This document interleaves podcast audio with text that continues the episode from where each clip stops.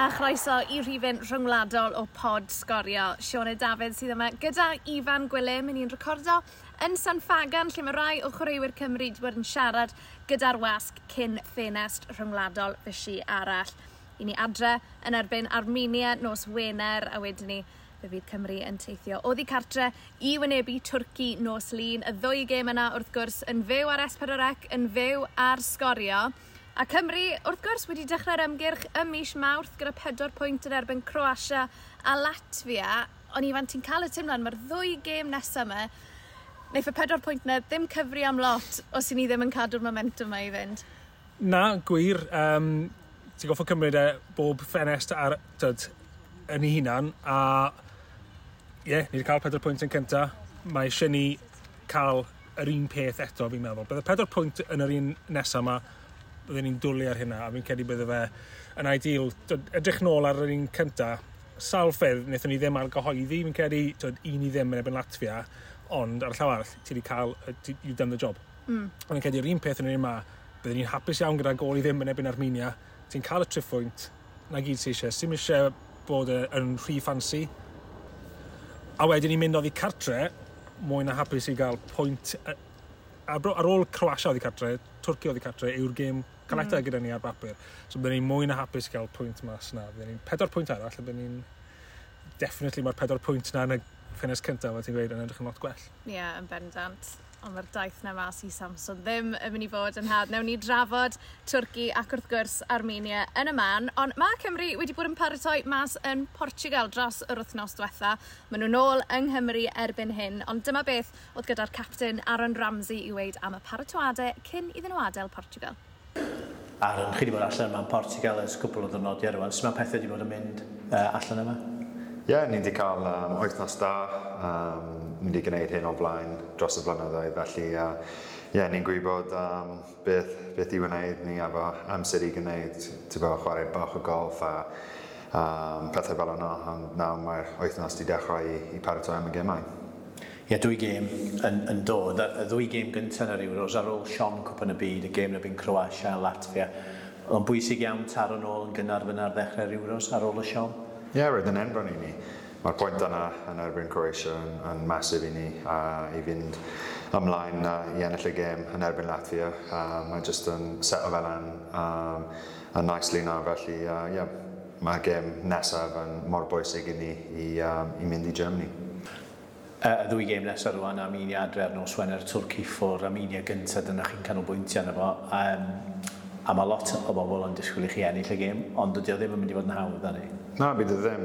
Um, fi'n disgwyl gêm eitha um, syml i'r Latvia gêm, ond um, maen nhw'n peryglis iawn, ni wedi gweld fideo arnyn nhw, felly um, yeah, bydd ni fod yn barod um, am y gêm yma. Uh, fel dwi wedi si, mae'n bwysig iawn i ni enll y gêm yma um, i mynd ymlaen a, i, i qualifier. A o ran y nos Wener, nôl yn Stadiwm Cerdi, mae o'n llawn eto. Mae'n siŵr bod hynny'n rhywbeth gret i'r chwaraewyr. Ie, yeah, mae'n um, mae special iawn i chwarae yn y stadiwm yma gyda um, um, pryd mae'n llawn. Um, ni wedi cael um, nosau arbennig hynna.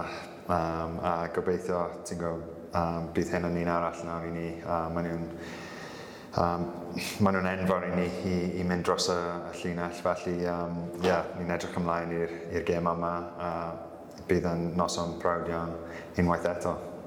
A gynol ola ar, ar ôl y ddwy gêm rhan fwyaf bobl yn gorffwys, byddi di ddim, ti'n bo'n paratoi ar gyfer ras y three picks, y, y tair copa, ti'n barod ar ei gyfer o?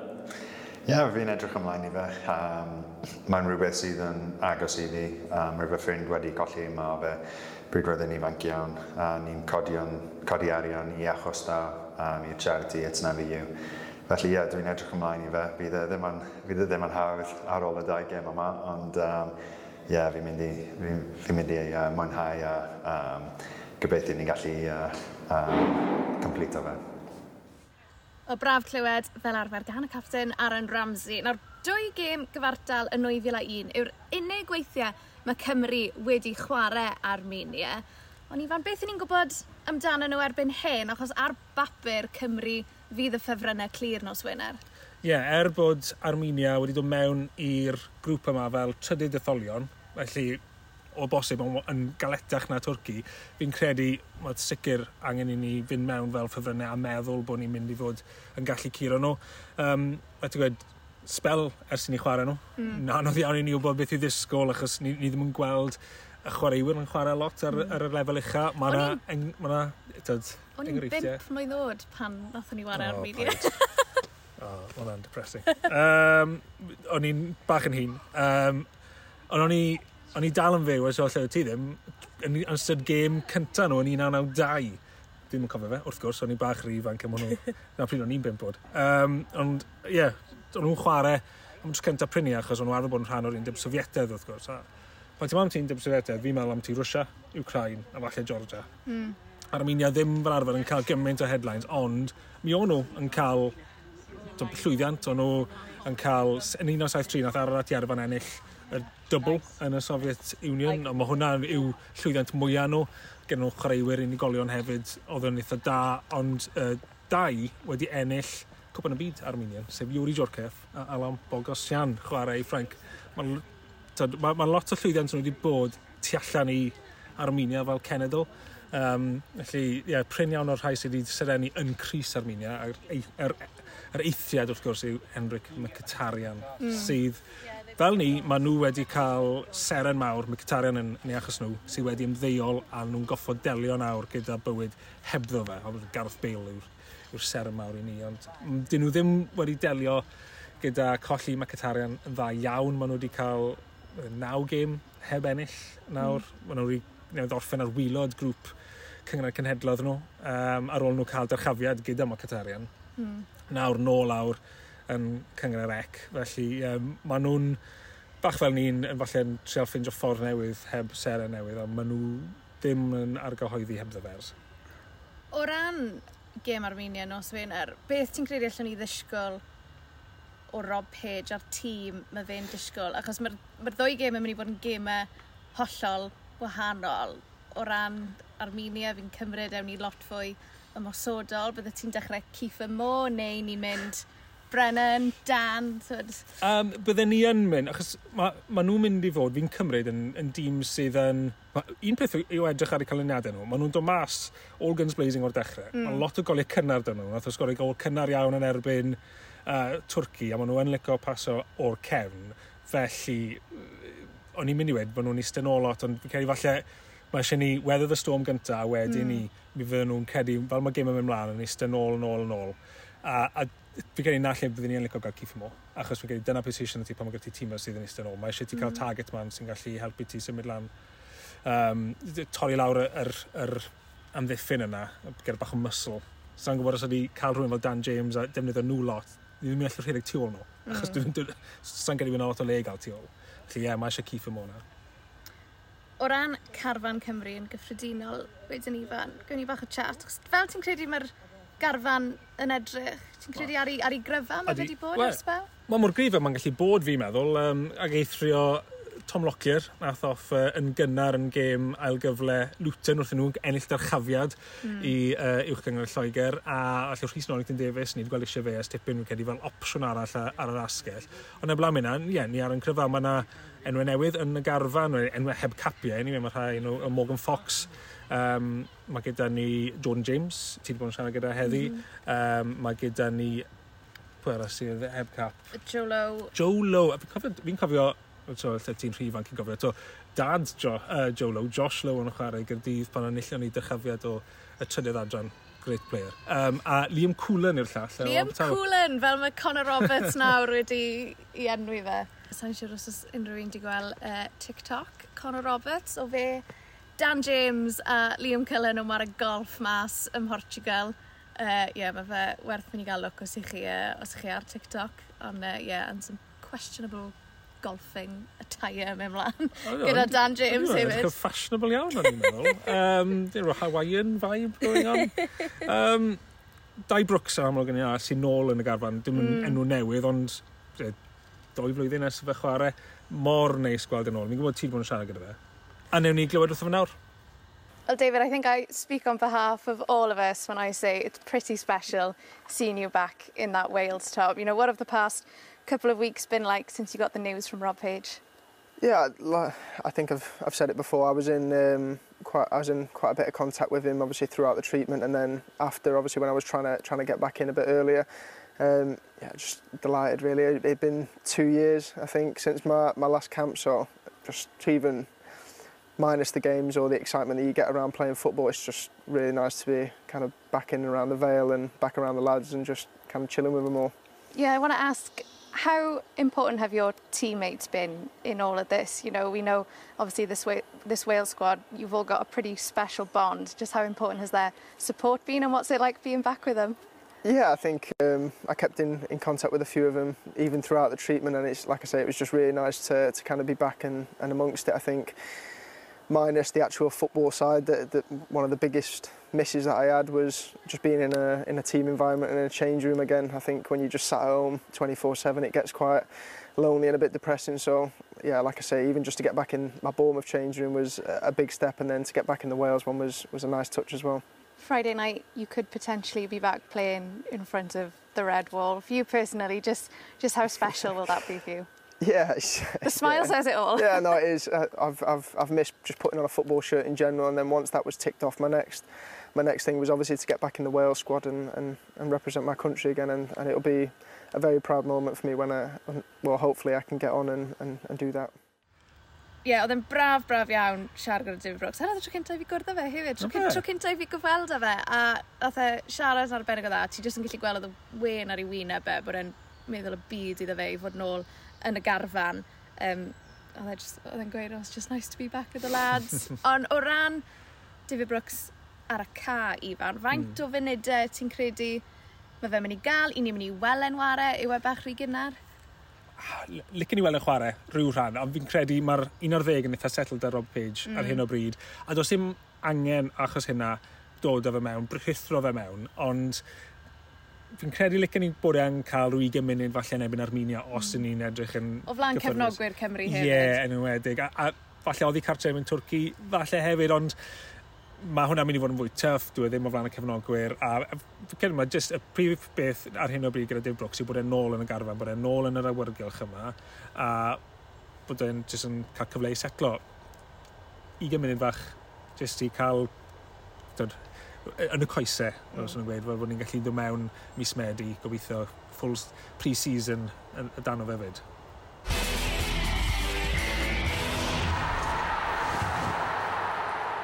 Nes i ystod mewn ar cynadledd wasg uh, am Ramsey Llun, yr un wrthyn ni clywed wrtho fe uh, ar top o'r aglen yma o Portugal.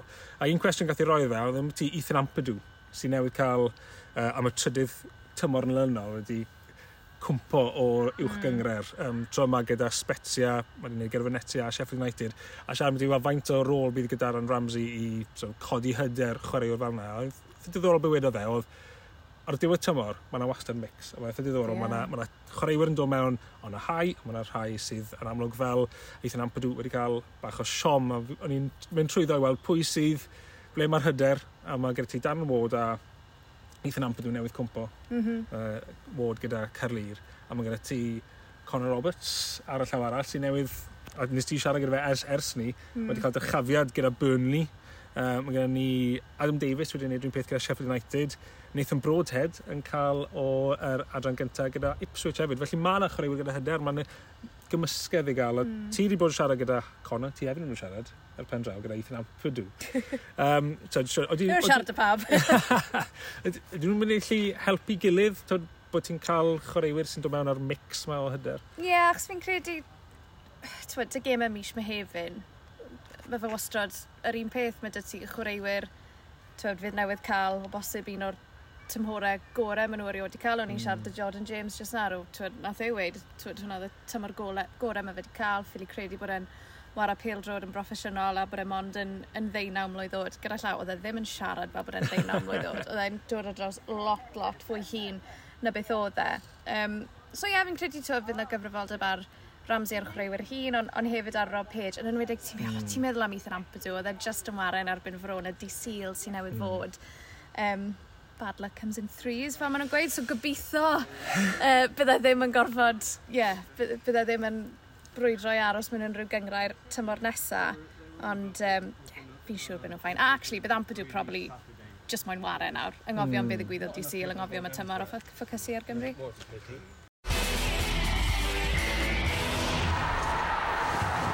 Nos Lyn Cymru yn teithio mas i Samson yng Ngogledd Twrci a i fan Rhyn iawn, mae Cymru di wario Twrci yn ddiweddar yr unig dro uh, yn y ganrif yma oedd y gêm yn grŵp Euro 2021 Cymru yn ennill o ddwy gol i ddim.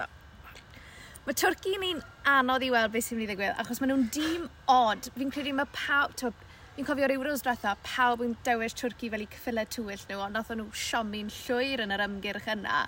Felly, bach o tîm rugby Frank, which, which, which, turkey's going to turn up? fi'n fi euog iawn o meddwl oedd Twrci mynd i dod cyffyle tywyll yr holl yeah. tournament yna, o'n i'n sucked in da fe.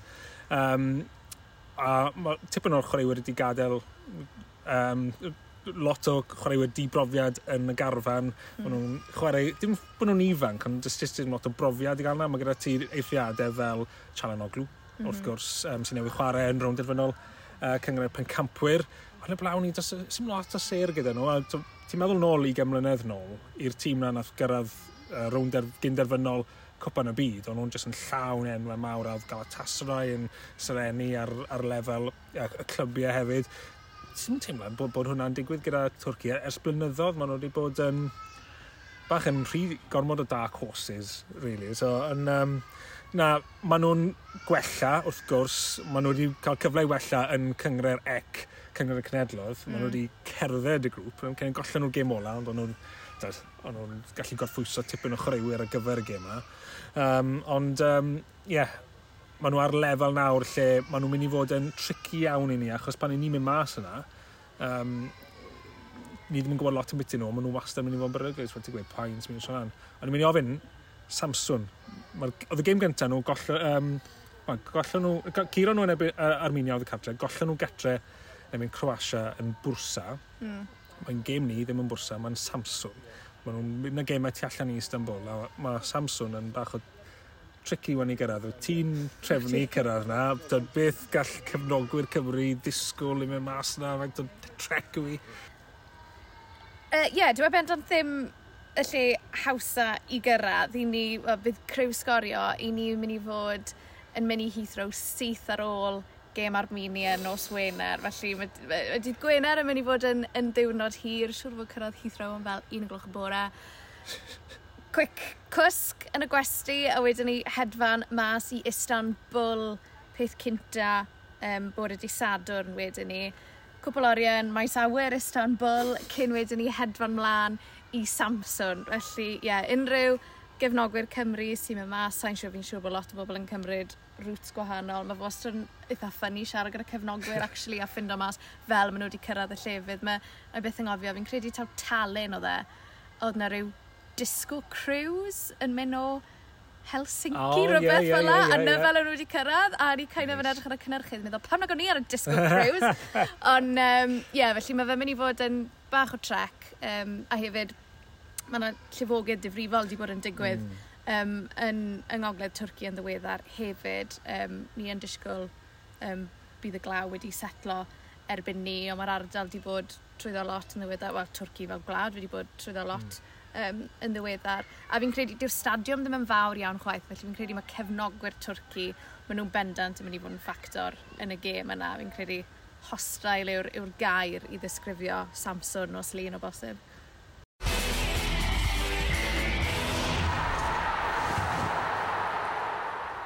nawr, fi'n gwybod mae'n cwpl o gemau i ni diware, mae'r ymgyrch newydd ddechrau, really. Ond, digwydd bod blwyddyn i heddi, fe fydd yr Euros yn yr Almain yn dechrau. So, Ifan, i ti, ti bod ar Duolingo yn barod yn practisol Maineg? mae ma Duolingo, fi, fi yn hamro Duolingo ar hyn o bryd uh, mae'r Al Almeineg yn cael amrad. Okay. And um, na, fi, dim achos bod fi'n meddwl bod Cymru'n mynd i fod na, fi ddim yn rhoi'r cart o flaen y ceffil bell o wneud. Um, mae Twrci'n yn poeni fi gormod am hynna. Dwi'n gwybod mm. bod y Twrci sydd wedi bido am hwsto bron o bod pob euros ers blynydd, ers ers 20 mlynedd, mae Twrci mynd amdani bob tro. A dyn nhw ddim yn cael, fi'n gwybod o'n nhw'n grac iawn bod yr Almain wedi cael, ond fi mor falch, achos fi mor excited bod yr Almain yn hosto. Mae type of lle, bydde ti'n excited i fynd i hyd yn oes wedi Cymru ddim yn cyrraedd, yeah, achos yeah. ti'n gwybod bod nhw'n mynd i cael eu trefnu'n dda. Mae yna clwstwr o bedwar host city yn rili really agos i gilydd rownd um, Düsseldorf, Dortmund, mm. Cwrn a Galsen Cyrchyn lle mae Schalke chwarae. Felly mae ma, ma fe'n mynd i fod yn, yn clinker o tournament a just croesi bystod bod ni'n mynd i fod yna. Ie, yeah, fe wedi si, ddim ond rhoi'r ceffil o flaen y cart eto, ond fel wnaethon ni sôn ar ddechrau'r pod, bydde un buddugoliaeth a un gêm gyfartal yn meddwl mm. bod Cymru'n ddigiron ar ymgyrch hyd yn hyn. Mm. Bydde hwnna'n oret? O, do, nes weithio mas o mas. Os ni'n just o, rheoli pethau, ni, ennill gêm y cartre ni a dim colli oedd y cartre, ni trwyddo. Mm. Achos Mae bron ma'n mathematically amhosib i ni byd o cyrraedd uh, y doi uchel os ni'n neud hynna. Ma Easier said than done, fi'n Mae e yn. Ond bydde ti'n gobeithio, ni wedi cael y pwynt yna o ddicartre yn y Croatia'n barod. Os ni'n gallu llwyddo i wneud e yn ebyn Twrci, fi'n credu, mae yna last stretch yn mynd i fod yn oce okay, fi'n credu. Um, achos, oce, okay, falle mynd i mynd i curo Croatia gatre, ond falle gallu sopo hwnna ar gyfer buddigoliaeth o ddicartre yn mynd Armenia ac yn ebyn Latwia. So, credu, ni, ni wedi dechrau'n oce, okay, pedwar pwynt, yn y mis ma, fi'n mynd sortid fi'n credu. Wel, dyna ni am benod arall o pod rhwngwladol sgorio. Diolch yn fawr i chi am wrando. Felly cofiwch, nos Wener yn fyw ar S4C Cymru yn erbyn Armenia yn fyw o Stadiwm Dinas Cyrdydd. A wedyn ni nos lun pan fyddai gobeithio wedi cael digon o gwsg Twrci yn erbyn Cymru. Honna'n fyw o Samson eto yn fyw ar S4C. E. Cofiwch hefyd, mae yna lwyth o bethau ar blatfformau digidol, sgorio, YouTube, Twitter, Instagram, TikTok ac wrth gwrs ar y pod. O'n i fan wedyn ni, prynhawn dydd mawrth hefyd, gêm tîm dan 1 ar hugen Cymru yn teithio mas i Denmark, a ti'n mm. mynd i mm. fod yn sylwebu ar y gêm? Ydw, so'n teithio mas i Denmark, yn anffodus. O na, ti ddim ti. Byddwn ni yn licio mi mas i Faila, lle mae uh, Cymru'n chwarae. Maen nhw'n dechrau ymgylch newydd. Nath nhw'n ffeili cyrraedd yr Euros sydd ar fi'n dechrau. Mae'r ma ymgylch Cymru'n dechrau i cyrraedd yr Euros nesaf, cyn bod yr Euros yma Lenny'n dechrau, sy'n eitha wir. Ond, ie, um, yeah, o'n i'n siarad yn eitha hyderus just nawr am beth cyfleon Cymru i cyrraedd Euros yn yr Almain, ond mae nhw'n darcan caled iawn i gyrraedd. Mae Denmark yn dîm a hanner, mae gen nhw chwaraewyr sy'n chwarae Champions League, maen nhw'n chwarae, maen nhw'n ennill yr Austrian Bundesliga gyda Red Bull Salzburg. Mae yna chwaraewr na sy'n newydd torri record um, a gyfer transfer o Denmark uh, i fynd i chwarae yn Leicester. Mae yna nawr newydd, newydd cwmpo'r uwch gyngor Lloegr, ond dyd mae yna chwaraewyr na o safon sy'n chwarae eitha cyson. Um, felly maen nhw'n galed. Mae Gweriniaeth Czech Gwlad yr Ia a um, Lithuania yn yr y grŵp hefyd. Ond ie, yeah, edrych mlaen fi a Dylan Blaine yn mynd i fod yn symebu ar hwnna, a mi fydd gemau i gyd ar sgorio o nawr tan hydref blwyddyn nesaf. Ymgylchir. Eliwan, diolch yn fawr am y tro ac wrth gwrs diolch i chi am rando. Welwn i chi tro nesaf.